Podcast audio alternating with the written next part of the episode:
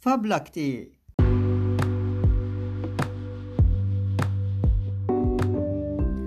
Dette er en podkast fra et flerspråklig klasserom.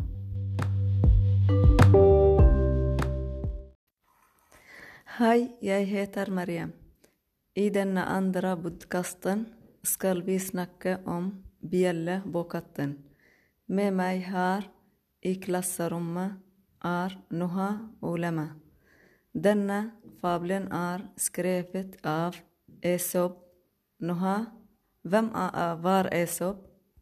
Es Esop er en man som, som levde i Hellas från år 620 till 564 för Kristus. Han likte å eh, skrive fabel. Lama, hva er en fabel? Det er en kort fortelling med dyr som har menneskelige egenskaper. Det, eh, det vil si at de blant, blant annet kan snakke. Noha, hva handler bjelle på katten om? Nå skal du höra. Det var någon muse som bodde i ett hus, men i det huset bodde det också en skummelt katt. Och musen var väldigt rädd för den. Därför måste de finna på någon lurt. De diskuterte mye. Men så var det en ung mus som eh, sa att de kunde hänga eh, i bjälla på katten. Det eh, synes eh, de andra var kämpesmart och hoppet och danset av, av glädje.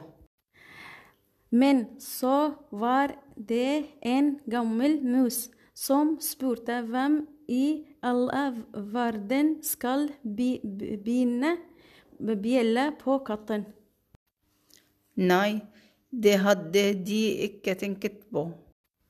Hva er moralen i denne fabelen, Noha?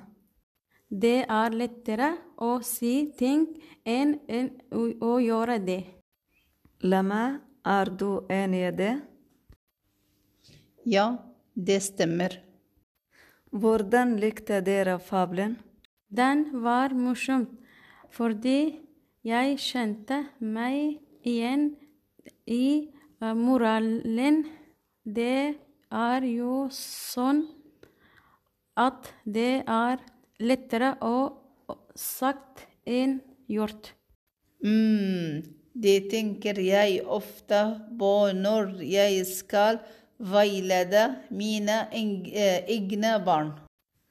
Fabelaktig. Tusen tack för att dere ville snacka om fabeln.